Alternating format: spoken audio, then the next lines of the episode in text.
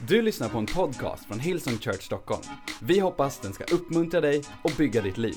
För att få mer information om Hillsong och allt som händer i kyrkan, gå in på www.hillsong.se. Jag skulle vilja tala ikväll över, eh, bara en liten stund då. Det vi ska göra ikväll, jag ska predika så kort jag kan och så bra jag kan. Och sen så ska vi be, amen. Och så ska vi öppna altaret här och ska vi se Gud göra mirakler här inne ikväll. Jag har inte kommit bara för att sjunga och en, höra en predikan till. Jag vill gå härifrån och känna att Gud la sin hand på mig. Att jag går härifrån vidrörd av Gud. Och, och jag vill gå in i det här året 2017 mindre beroende av allting som jag kan och mer beroende av allting som jag, i- av, av Gud i allting som jag inte kan.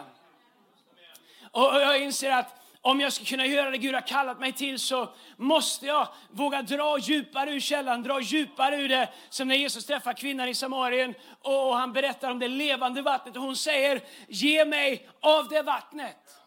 Alltså, när hon lyssnar på Jesus så väcks en förståelse över att det finns vatten och frå som leder till att hon begär av Jesus. Hon säger inte snälla söta rara Jesus, vad ska jag göra för att få det vattnet? Utan hon säger ge mig av det vattnet. Jag är övertygad om att när Gud kommer in i våra liv och visar sig som bara han kan så uppstår ett behov i våra liv men också en frimodighet där vi vågar ta ifrån Gud det han säger att han har dukat fram åt oss.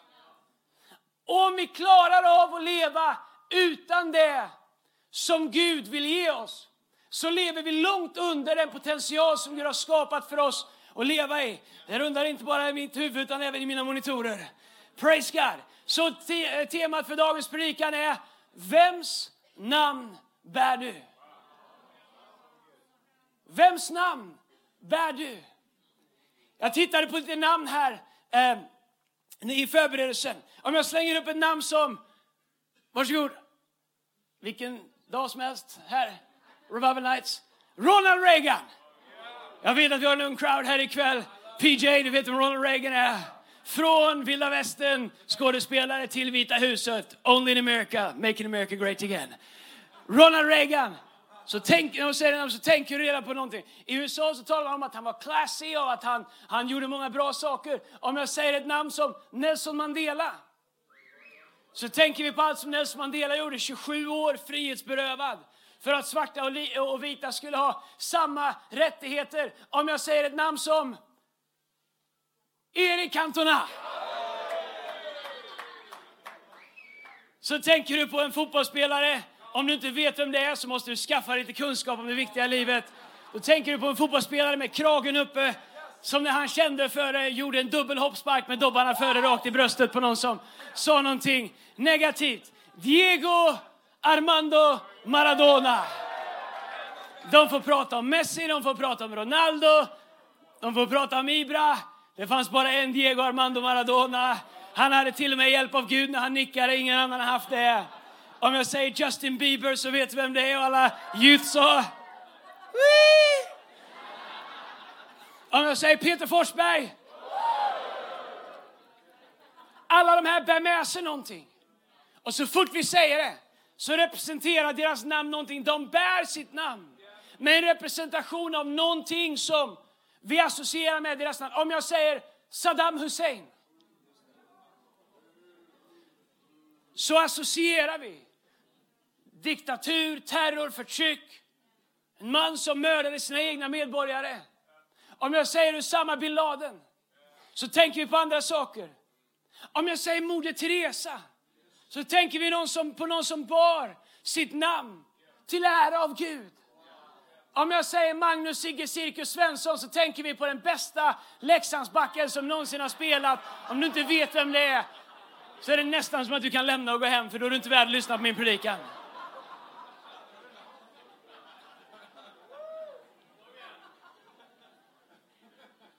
Den enda rightbacken som åkte in på högerkanten i anfallszon gjorde en piruett med pucken och sköt så Djurgårdsbackar som Ken Holt och du, Boy, och andra var uppe på läktaren och köpte korv. Vad bär ditt namn? Vad tänker man på när man hör ditt namn?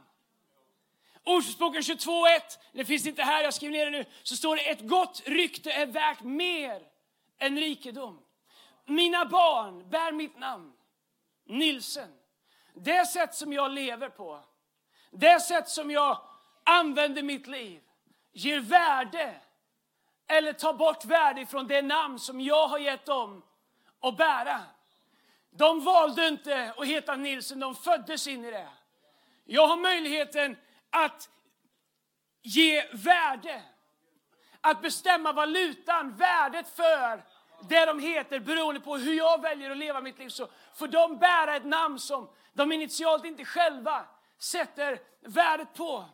Var och en av oss får, får leva på det sättet. Den här världen kommer alltid vilja ge dig namn baserat på olika saker. De vill, vill attacha ett slags värde till ditt namn, en mening, en association. På samma sätt som vi säger Nelson Mandela, vi tänker på fantastiska saker, så har också våra namn ett värde. Och den här världen kommer försöka ta sig rätten att sätta ett, ett värde på ditt namn. Ofta baserat på våran prestation Baserat på våra förflutna kanske. Baserat på våra svagheter, våra tidigare tillkortakommanden.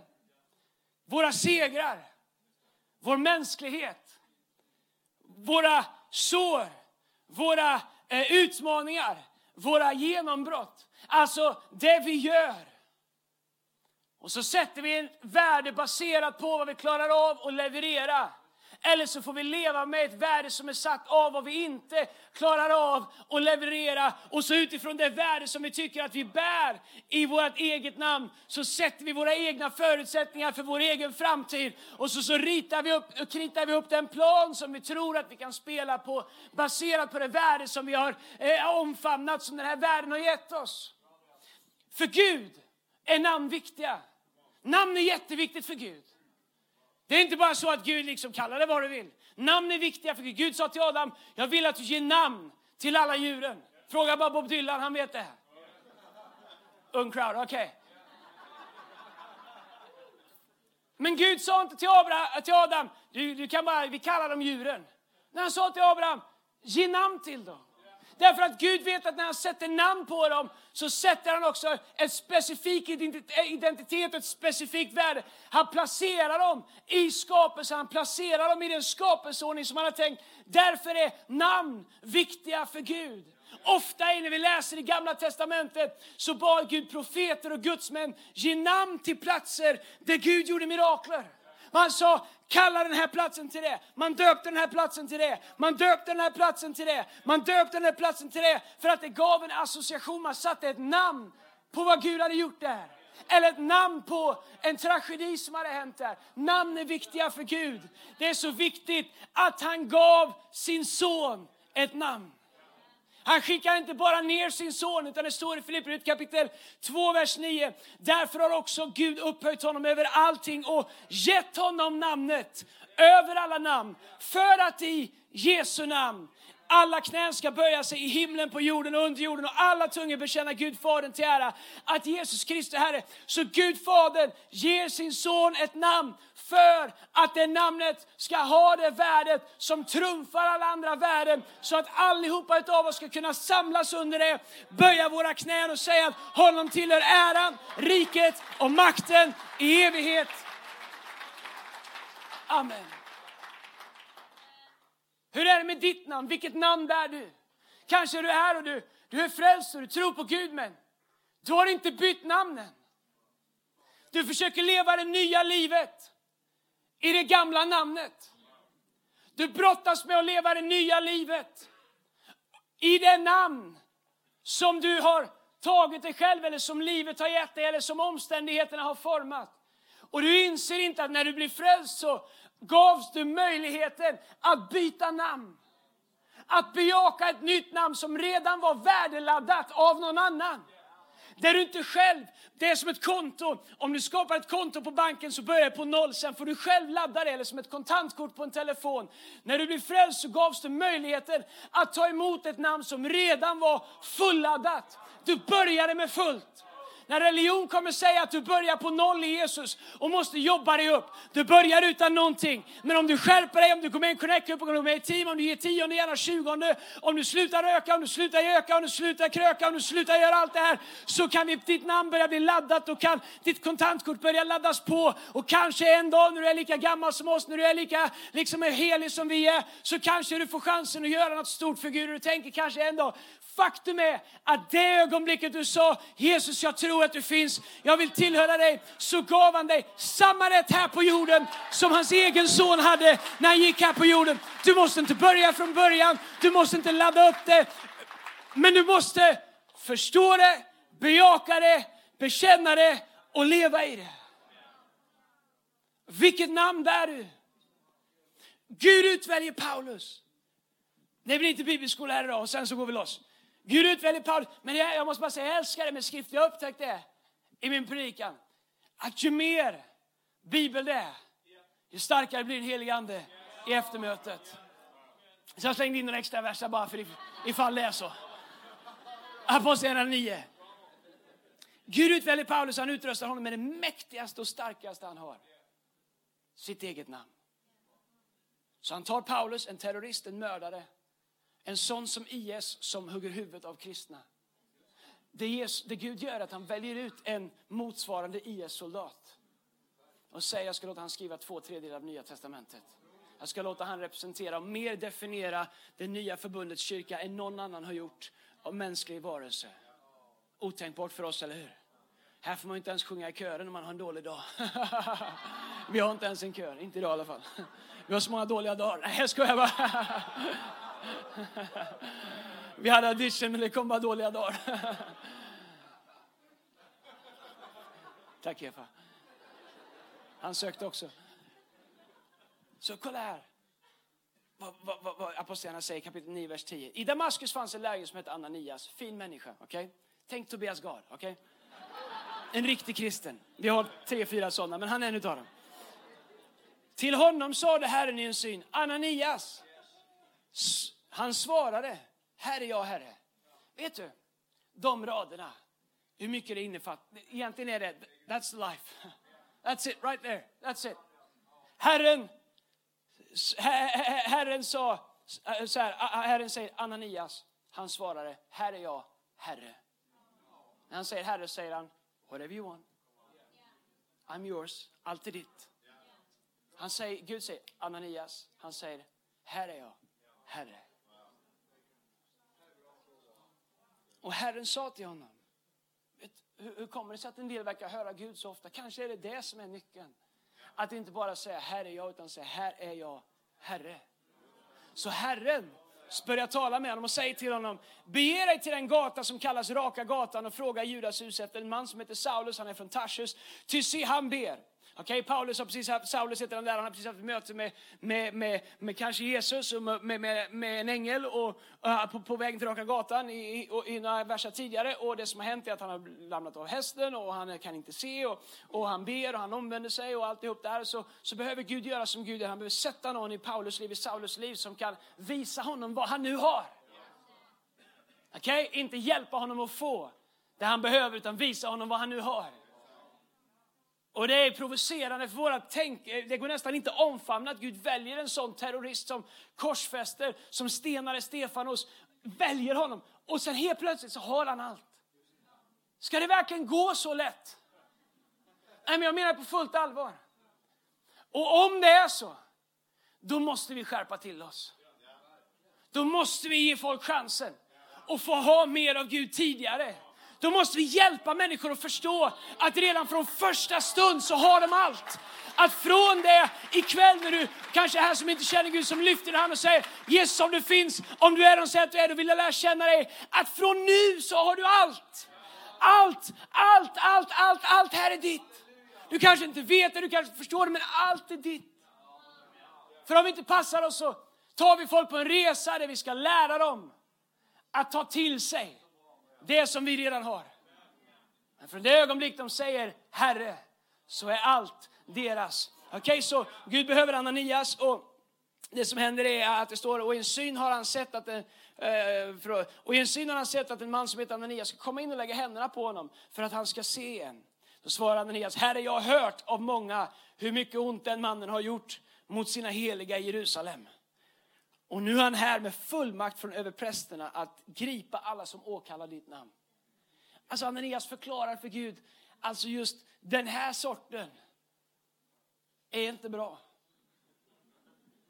Man kan dö om man träffar honom. Jag vet inte om Ananias var där när Paulus ledde steningen av Stefanos.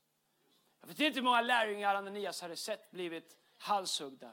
Jag vet inte hur många lärjungar, eh, hur många kristna som Ananias hade sett eh, eh, inne på den, den, den, arenan de hade. Jag var där i Israel bara för några veckor sedan, där, där de släppte in, eh, där de slaktade, man tror upp till 4 000 kristna. Man släppte in dem och, och kanske 10-15 i taget och släppte in fem lejon som de fick slåss mot utan vapen, utan någonting. Man slängde in kanske 50 stycken, skickade in soldater med vagnar som åkte runt och slaktade dem för att ha som nöje istället för att titta på en hockeymatch så gjorde man det.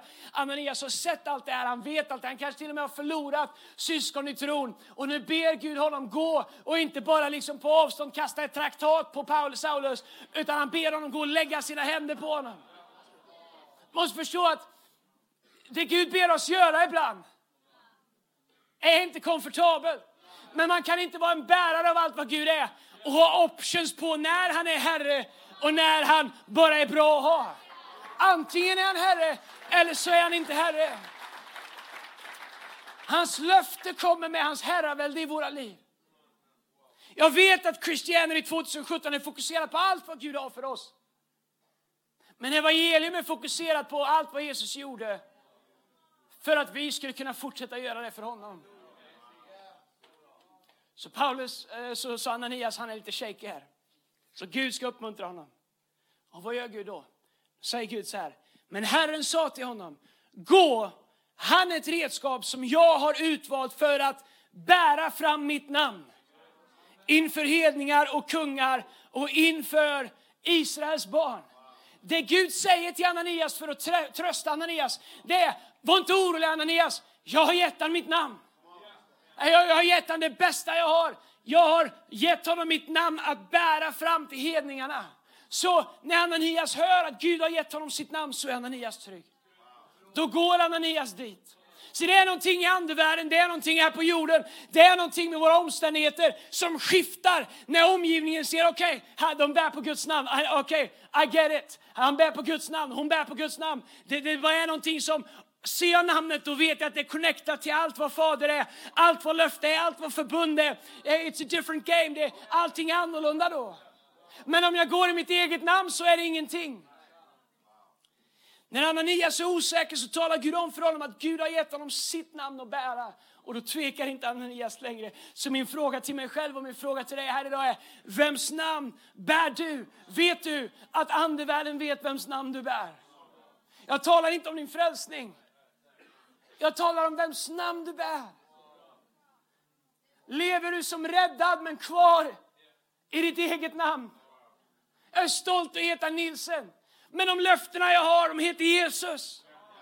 Jag gör mitt bästa för att lämna ett efternamn till mina döttrar som ska vara värt en legacy av själar, av osjälviskhet, av att leva för någonting större. Men det bästa namn jag kan ge dem, det är Jesus Kristus, Guds enda son. Det är det bästa jag kan ge dem och lära dem att vandra och leva och bära det namnet.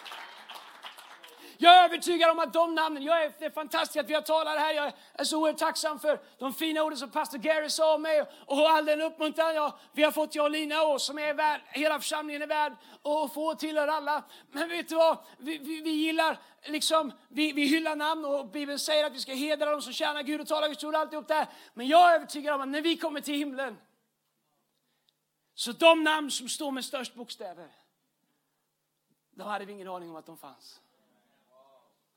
Kanske var de skrivna med X och Z och på kinesiska som inte ens kunde för de hade levt under jord. Kanske hade de suttit fängslade i ett fängelse i Iran hela livet så vi fick aldrig höra talas om dem för att de bar in tio biblar i en nation som var stängd. Men de gjorde det som bärare av det namnet som är över alla andra namn. Så änglarna vet vad deras namn är. Jesus vet om deras namn är. Demonerna vet vad deras namn är. Vi lever i en värld där om bara vårt namn är så stort så vi kan få lite mer likes än någon annan och vi kan växa lite. Men vet du vad? Demonerna skiter fullständigt i vad ditt namn är men de vet vem hans namn är. Och Bibeln säger att de bävar när de hör det. De bävar när vi ber i det. De flyttar sig när vi talar ut det. Det mörka får gå, ljuset kommer fram, det döda får gå och livet uppstår. Varje gång du säger hans namn så vet alla vad det handlar om. I hela andevärlden, i himlen, på jorden och under jorden. Därför att han har det namnet som är över alla andra namn. Fadern har givit honom det. Och du kan bära hans namn. Apostlagärningarna kapitel 19, vers 13 så kommer Paul, eh, förlåt, inte eh, Paulus, Petrus, Paulus minus polon, Paulus var en pluspol i början. Det sjuka med Paulus, jag hinner inte predika om det, men att när Paulus hade varit där liksom och varit var med Ananias så skickade Gud ut honom i fält och, och, han kom till Petrus och Johannes och Petrus var inte supersugen på att få ha liksom eh, eh Charles Manson eh, jobbande med sig en massmördare utan han var inte lika övertygad som Ananias var. Men här i kapitel 19 så är Petrus och Johannes på väg genom sköna porten. Och många av er har läst, men kolla här vad det står. Några kringvandrande judiska, judiska andeutdrivare försökte sig på att uttala, eh, förlåt, förlåt, i Apostlagärningarna kapitel 9, vers 10 så står det så här.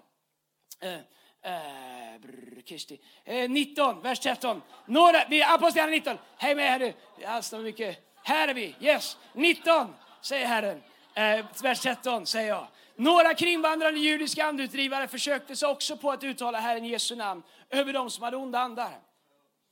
De sa, jag besvär er vid den Jesus som Paulus predikar.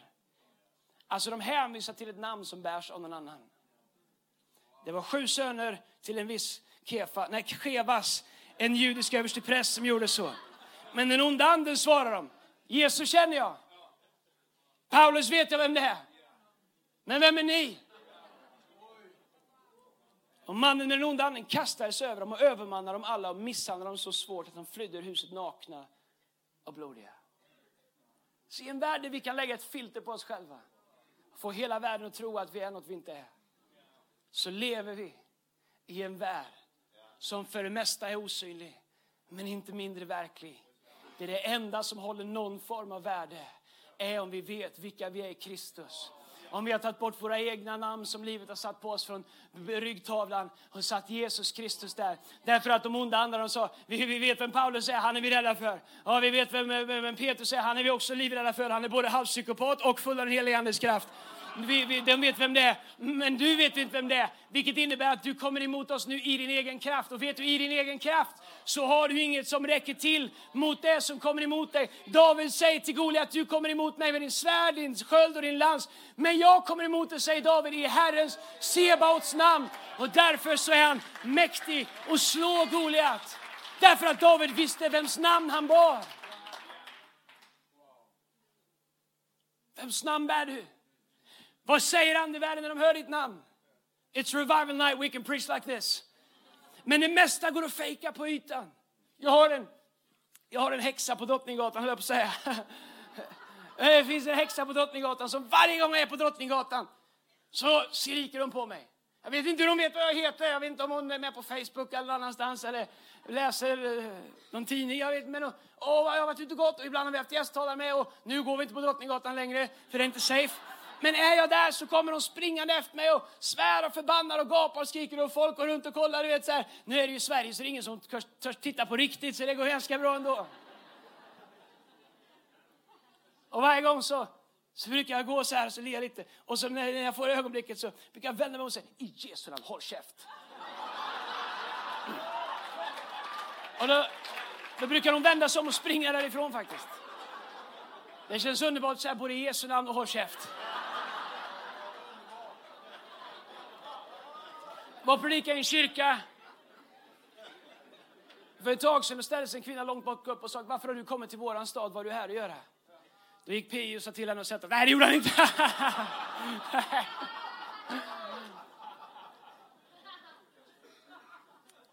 Även om vi lever i en värld där vi låtsas att vi kan skapa vår egen lycka så är vi plockade ur en värld satt av tid.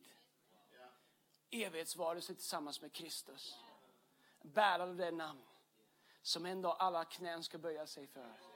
Alla tungor bekänna. Vet du, man kan stänga dörrar till byggnader för oss. Men man kan aldrig någonsin stänga så många dörrar så att Kristi kropp inte har någonstans att mötas. Därför att allting måste böja sig under det namnet. Varje tunga måste bekänna det namnet. Vi lever i världen, men vi har bättre spelregler än världen. Det är liksom som att, kolla, det är ojämnt, det är orättvist. Det är som att vi spelar fotboll mot det onda, men vi får ta med hand. det, det är liksom inte ens jämnt. Det, det, är liksom inte ens, det är inte ens liksom rättvist, för vi, vi har som trumf när vi inser vilket namn vi bär. Okej, okay, jag måste komma in i min predikan, det här är bara setupen. Men Jesus har gett dig ett namn som du kan bära. Och han har gett dig sitt namn för att du ska använda det. Han har inte gett dig ditt namn som bara lite feel good eller för att du... Han har gett dig ditt namn så för att du ska använda det för att du ska kunna förstå att hans namn har potential att skapa i ditt liv. Att du kan titta på dina berg och säga i Jesu namn, häv dig upp och kasta dig i havet. Att du kan titta på det som, som plågar dina barn, som försöker dra dina barn bort och säga i Jesu Kristi Nazarens namn, försvinn härifrån. De är köpta av Jesu blod. Det är min arvslott att mina barn ska tillhöra Kristus. Djävulen, du får inte mina barn, du får inte mitt företag, du får inte mitt äktenskap. Därför att större är han som bor i mig än allt vad du är. Men om du inte förstår att du har fått namnet för att använda det, så är det som att du har, som att du har medicin som du behöver mot den dödliga sjukdomen. Du tar den inte. Och du försöker hanka dig fram. Och om inte passar det så behöver vi bygga en teologi om lidande istället för att ta ett piller så vi blir övervinnare. Jag vet att det kan låta klyschigt, men ta det för vad det är. Nu ska vi till Apostlagärningarna kapitel 3 och Petrus och Johannes. De var på väg upp till, när Petrus Johannes var på väg upp till templet vid den tiden för bönen. Man hade ber vid nionde timmen. Då bar man dit en man som hade varit lam från födseln. Varje dag satte man honom där vid den tempelport som kallas Sköna porten för att han skulle be dem som var på väg in i templet om en gåva. När han nu såg Petrus och Johannes gå in i templet bad han om en gåva. Då fäste de blicken på honom. Och Petrus sa till honom, se på oss. Jag älskar det, Petrus. Se på oss. Se på oss. Oho, en storm i hamnen. Nej, jag kan inte det. Mannen såg uppmärksammat på dem och vände sig. Väntade sig att få något, men Petrus sa, silver och guld har jag inte. Men vad jag har, du kan aldrig ge något som du inte vet att du har. Men vad jag har, det ger jag dig. I, Christ, i Jesu Kristi Nazarens namn. Han säger inte, på grund av den kurs som jag har läst och funderat klart på. Han sa inte på grund av ett bloggforum jag nu har varit med på i tre år där vi har röstat i en majoritet på att så här är det. Han säger i Jesu Kristi Nazarens namn, stig upp och gå. Han tog honom i högra handen och reste honom upp. Genast fick mannen styrka i fötter och vrister. Han hoppade upp, stod upprätt, upprätt och började gå och följde med dem in i templet. Och han gick och hoppade och prisade Gud. Allt folket såg honom gå omkring och prisa Gud. Det var tre saker som man ser i den här texten. Det ena är att det står att de fäste blicken på honom. Och Petrus sa, se på oss. Mannen såg uppmärksammat, uppmärksamt på dem och väntade sig att få något. Vet du, jag tror att människor tittar på dig och mig och väntar sig att få något. Ibland tror jag att människor ser det namn som vi bär mer än vad vi gör. Jag är övertygad att om du är en bärare av hans namn så tittar människor på dig. Även om vi inte inser det. Och hoppas det du bär, skulle det kunna hjälpa mig? Så att mannen tittar uppmärksamt. Petrus och Johannes visste vad de bar, så de säger till mannen, se på mig. Se på mig. Se inte på din lamhet. Se inte på dina omöjligheter. Se inte på vad du var född till. Se på mig. Vad är det Petrus säger? Se på mitt namn som jag bär. Jag är övertygad om att vi måste leva våra liv med en insikt om att människor tittar på oss. Att Gud har sänt oss in i vår vardag för att bära hans namn. För att, för att människor ska titta på oss. Och det står att ingen kan komma till Fadern om inte en helig ande drar dem. Så jag är övertygad om att på samma sätt som de här männen bar den lame mannen fram till porten för att han skulle vara där när Petrus och Johannes kom. Så, så drar den helige ande människor i våran väg som tittar på oss. Och vi måste leva medvetna om vad vi bär. Så att när människor ropar att vi hör och att vi vet vad vi har att ge. För om vi inte vet vad vi har att ge så tror vi inte att vi kan svara på det de ropar på. Det andra jag ser att Petrus och Johannes, de visste vad de bar på. Petrus, han sa silver och guld det har jag inte. Men vad jag har, det ger jag dig. Och vad min bön är att vi skulle veta vad vi har. Och Att du skulle veta att det du har inte är baserat på om du är bra eller dålig kristen. Om du har haft en bra eller dålig vecka. Om du tänkte börja den här fastan på ett bra sätt och du bröt den redan på eftermiddagen. Min vän, det ändrar ingenting av Guds inställning till dig. Du kan fasta tills du väger 22 kilo och är smalare än ett sugrör och Gud kommer inte älska dig mer ändå. Du kan blidka Gud, du kan be i timmar. Du kan lyssna på dem som säger att de går upp tidigt på morgonen och söker Gud. För en del av oss när vi går upp tidigt säger Gud, gå och lägg dig, vare sig du eller jag vill ha med dig att göra nu. Förstå att det du har är inte baserat på vad du tror att du är värd. Du kan bara inse vad du har när du förstår varför du har det och hur du har fått det. Genom Guds nåd och genom rättfärdighetens gåva och genom det som Jesus Kristus, det som var omöjligt för oss, det gjorde Kristus Jesus när han gav sitt liv för oss. Därför så har du det människor behöver. Därför så har du det människor på din arbetsplats behöver. Därför så har du vad din familj behöver. Därför så har du, du har det i namnet. Det tredje som står är att Petrus och Johannes, som jag, som jag, som jag älskar, Petrus och Johannes de visste hur de skulle använda det de bar på. Kanske en av djävulens bästa strategier har varit att skapa en stor debatt inom kristenheten hur man får använda det Gud har gett oss. Och vad som är okej. Okay och hur det ska se ut och hur det ska paketeras och vad som är lagom mycket av det som vi har och hur ofta man får göra det. Och jag gillar så, jag gillar så. Delat upp all kristenhet i, i liksom massa olika läger så alla sitter med varsin liten bit och det funkar jättebra för djävulen så länge ingen har allting. Men faktum är att allt tillhör oss. Allt tillhör oss, allt vad Fadern är, allt vad Kristus är, bor i oss. Därför så behöver vi inte låsa in oss med våra... Nej, jag gillar bara lugn musik. Ja, det är bara så jag möter Herren. Och du kan möta honom i lugn musik, du kan möta honom i hög musik. Du kan gilla min predikostil. Det var de som kom fram och skulle uppmuntra mig igår alltså, och sa Andreas, jag tycker du är jättejobbig att lyssna på. Min grabb gillar det. Han är 12 år. Han säger att du skriker så skönt. Ja, men tack ska du ha. finns inget bättre tio minuter efter att du har predikat och gett allt du har. Jag sa jag var förvånad över hur mycket content du hade. Åh, nej, men då tackar jag igen.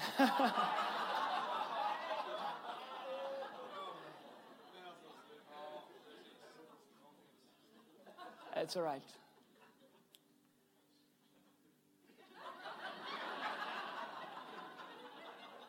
Jag ska starta en egen kyrka där jag får predika hur länge jag vill.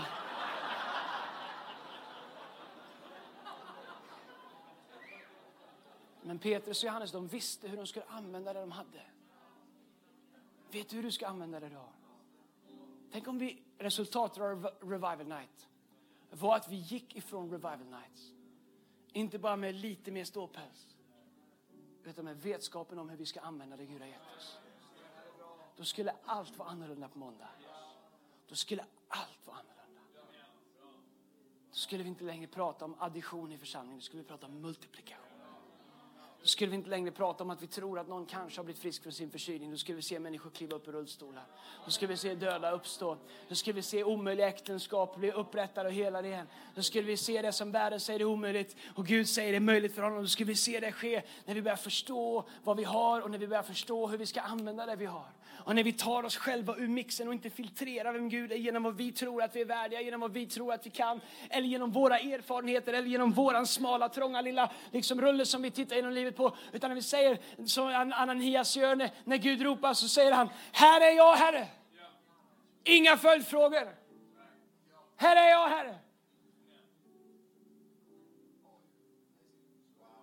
Vi gick härifrån och visste vad vi bar och visste hur vi skulle använda det.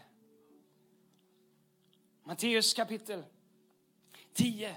Du förstår Jesus och han, Jesu rykte hamnar på spel när han ger oss vårt namn. Jesus satte sitt rykte på spel när han gav oss sitt eget namn. Det är därför han har bett oss använda det. Han säger i Matteus kapitel 10, vers 7.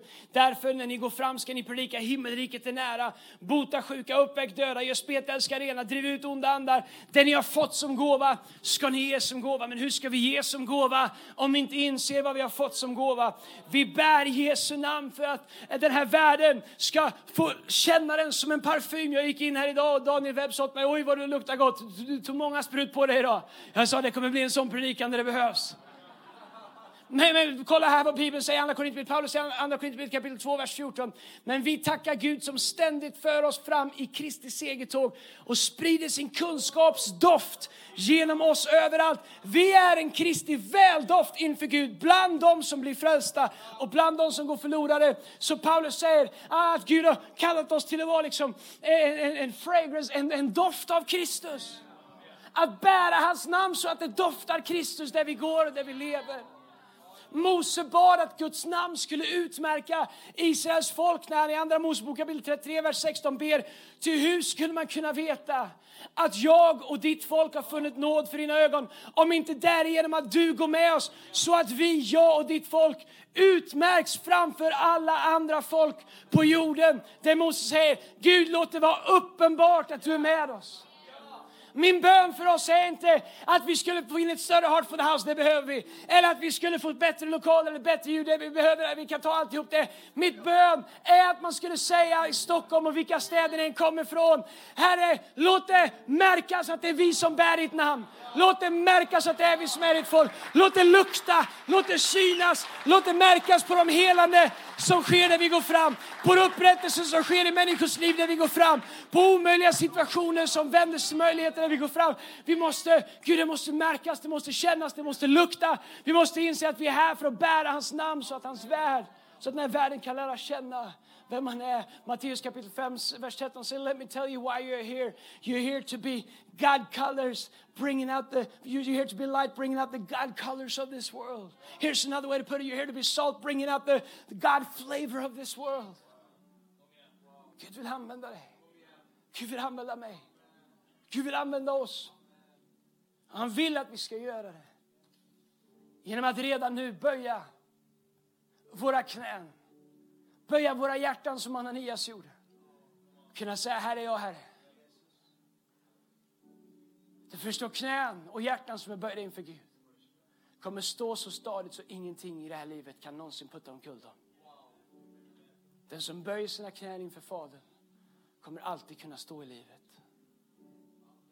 Abraham fick ett löfte av Gud att få en son som han gav namnet Isak. Isak gav, fick en son som han gav namnet Jakob. Än idag så ber man till Jakob, Abraham, Isaks och Jakobs Gud. Gud sätter namn på sina mirakler, Gud sätter namn på sina löften, Gud sätter namn på sina under. Men Sara tycker att det tar för lång tid. Så hon säger till, till, till, till Abraham, vi, vi löser det här på egen hand. Eh, vi, vi, vi behöver inte stanna här böjda. Vi har varit böjda så länge nu. Det händer ingenting här där vi är böjda. Vi, vi, vi reser oss upp lite här nu Abraham och så löser vi det här själva. Vi är ändå liksom lever i den upplysta tiden här. Vi, vi kan ju, du vet, vi vet ju hur barn går till. Nu gör vi så här. Du går in till Hagar. Du går in och gör vad det är du gör som inte vi gör så mycket längre. Och sen så hoppas vi att det kommer någonting där. Och sen så löser vi det. Vi kan inte hålla på och le, bara leva böjda under den här guden år efter år efter år. Och vi tycker att inget händer. Vi kan, kan liksom inte, vi kan liksom inte hålla på och vara på knä här inför Gud. Ingenting händer. Vi behöver, liksom, vi behöver hjälpa Gud. Vi behöver liksom, vi behöver liksom, jag, jag kanske inte har fattat Gud liksom, hur det funkar nu i den här sociala medietiden och hur man egentligen kan göra. Gud är lite klumpig, han är lite old school, hans ord är inte alltid relevant. Och vem vet om det ens är Guds ord eller om det bara är stories, om det bara är poesi, om det bara är historiska berättelser, om det ens har funnits någon eller om de fanns eller inte alls. Who knows någonting anymore? Och Abraham säger ja, Sara, jag vet inte eh, hur, hur, det är, men det är klart att eh, Hage, ja, jo för all del, det, det ser ju inte det ser inte helt, det ser inte helt tråkigt ut. Jag, om du säger det då, Sara, så får jag väl gå in där och Abraham han stretchade så mycket man kan för en gammal gubbe och, och gick in och gjorde det Abraham gjorde och sen så kommer Sen kommer frukt som inte har ett löfte med sig. Sen kommer frukt som inte bär namnet som löftet skulle bära. Så du kan ha ett löfte som du har skapat dig själv, men det bär inte det namnet som Gud sa att du skulle bära. Om inte Gud sätter sitt namn på det så är det värdelöst. Du kan ha vad andra säger är frukt, men Gud säger det där är inte frukt. Han satt mitt namn på det. Jag har inte satt mitt namn på den relationen, jag har inte satt mitt namn på den businessen, jag har inte satt mitt namn på den drömmen, jag har inte satt mitt namn på den egoismen, jag har inte satt mitt namn på det, den identiteten du har tagit genom att hålla fast i ditt förflutna, jag har inte satt mitt namn på det. Det finns ingen välsignelse, det ser ut som frukt, men det är dött. Sen får han Isak. Isak får namnet som uppfyller löftet. Förstår, det spelar ingen roll hur länge vi måste böja våra knän därför att när vi kommer till himlen så kommer vi aldrig komma av dem. I don't know. Men jag vet i alla fall att änglarna som är kring Fadern, Bibeln säger att 24 timmar om dygnet så böjer de sig inför Fadern, tar av sig sin krona, böjer sig inför Jesus, lägger sin krona vid hans fötter. Och, och när de tittar upp och bara får en glimt av honom så är han så helig att de måste titta ner. De kan inte se honom. Han är för överväldigande. Han är för kärleksfull. Han strålar för mycket. Han är för mäktig. Han är för powerful. Hela han är skaparkraft. Hela han är helhet. Hela han är auktoritet. Hela han är kärlek. Hans ögon brinner av kärlek. Hans röst dånar som vatten men får hjärtan att stilla sig av frid. Och de tittar upp och de ser honom. Det enda de kan göra är att böja sig ner och säga Helig, helig, helig är Herren Sebaot. Hela jorden är full av din härlighet. Så böjer de sig igen. Så ger de honom sin krona. Vad är våran krona? Vårat livsverk. Våran stolthet. Våra förutfattade meningar. Våran box som vi har bestämt att Gud ska vara i. Det vi har bestämt att vi tycker om. Den stil vi gillar, det uttryck vi gillar. Den predikanten vi gillar, det bibelordet vi gillar. Det finns bara ett sätt att tillbe inför Fadern och ha sina knän böjda. Det är att ta av sig den. Ja, som Paulus säger, därför böjer jag mina knän inför Fadern. Bibeln säger att han räknade inte sin tillvaro som kung såsom segerbyte. Som Gud som segerbyte. Han offrade sig själv, utgav sig själv för att bli alla tjänare. Så säger Bibeln att alla knän ska böjas. Alla tungor ska bekännas. Alla sjukdomar ska böja sig. All depression ska böja sig. All oro får böja sig. Allt det förflutna får böja sig. När du böjer inför Gud så böjer sig allting du bär på inför Gud. När du står upp inför Gud så bär du allting själv. Men i det ögonblicket du böjer inför Gud så är allt inom dig böjt. Och inget har längre auktoritet inom dig. Och du är fri. Därför säger Paulus, därför böjer jag mina knän. Ska vi stå tillsammans? Lovsångsteamet kan komma fram.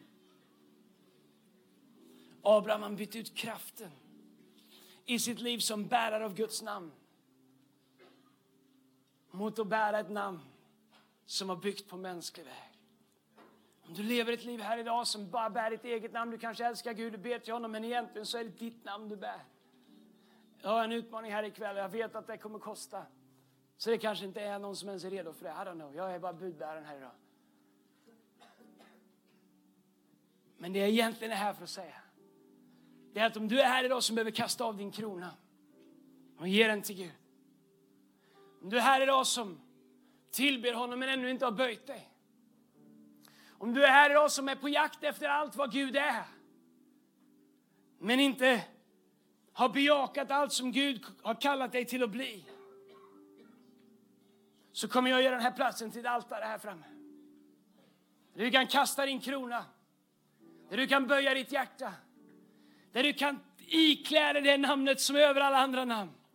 Du kanske kom in hit med ett namn, men du kan gå härifrån bärare av det namnet som hela universum har böjt sig inför. Du kanske kom in hit idag bärare på ett namn som den här världen har gett dig, som människor har gett dig, som misslyckande har gett dig, som utmaningar har gett som sjukdomar har gett dig. Men du kan lägga det namnet här nere ikväll och du kan ikläda dig det namnet Jesus Kristus och du kan gå ut härifrån idag med en väldoft av Kristus. Du kan lukta av Kristus. Människor runt kommer säga, vi ser att Gud är med dig. Vi ser att han är på din sida. Vi ser att du bär honom. Vad är det du har? Och när människor tittar på dig uppmärksammat som de tittade på Petrus och Johannes så kan du säga, det du tror att du behöver, det är inte vad du behöver. Och det du tror att du behöver, det har jag inte tänkt att ge dig. Men det du verkligen behöver är det som jag verkligen bär. I Jesu Kristi Nazarens namn. Ställ dig upp och var fri. Ställ dig upp och var helad. Ställ dig upp och var, ha, få en ny början i ditt liv. Ställ dig upp och bli döpt i den helige Ande. Ställ dig upp och upptäck vem du verkligen är. Ställ dig upp och upptäck att du inte behöver leva som ett gissel till tidigare misslyckanden. Att vad de sa om dig, förbannelserna som uttalades, inte längre gäller. Därför att när han sa det är fullbordat så fullbordar han allting även i dig. Och du kan bära hans namn och leva i frihet.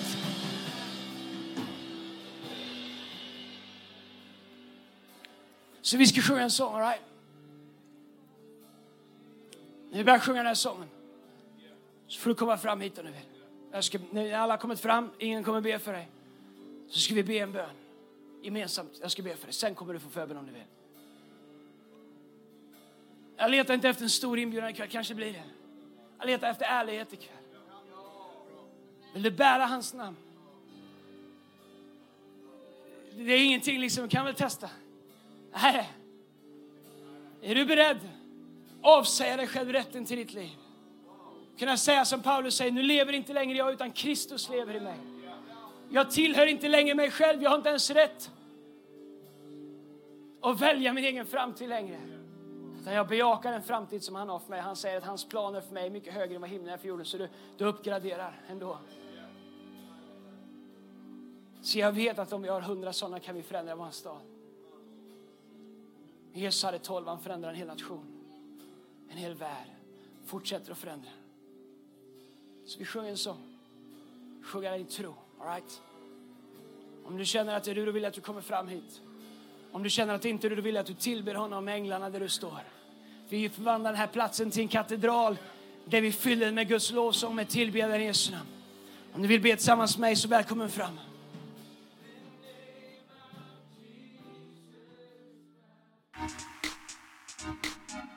Du har lyssnat till en podcast från Hillsong Church Stockholm. Om du vill veta mer om vår kyrka eller om våra söndagsmöten, surfa in på www.hillsong.se.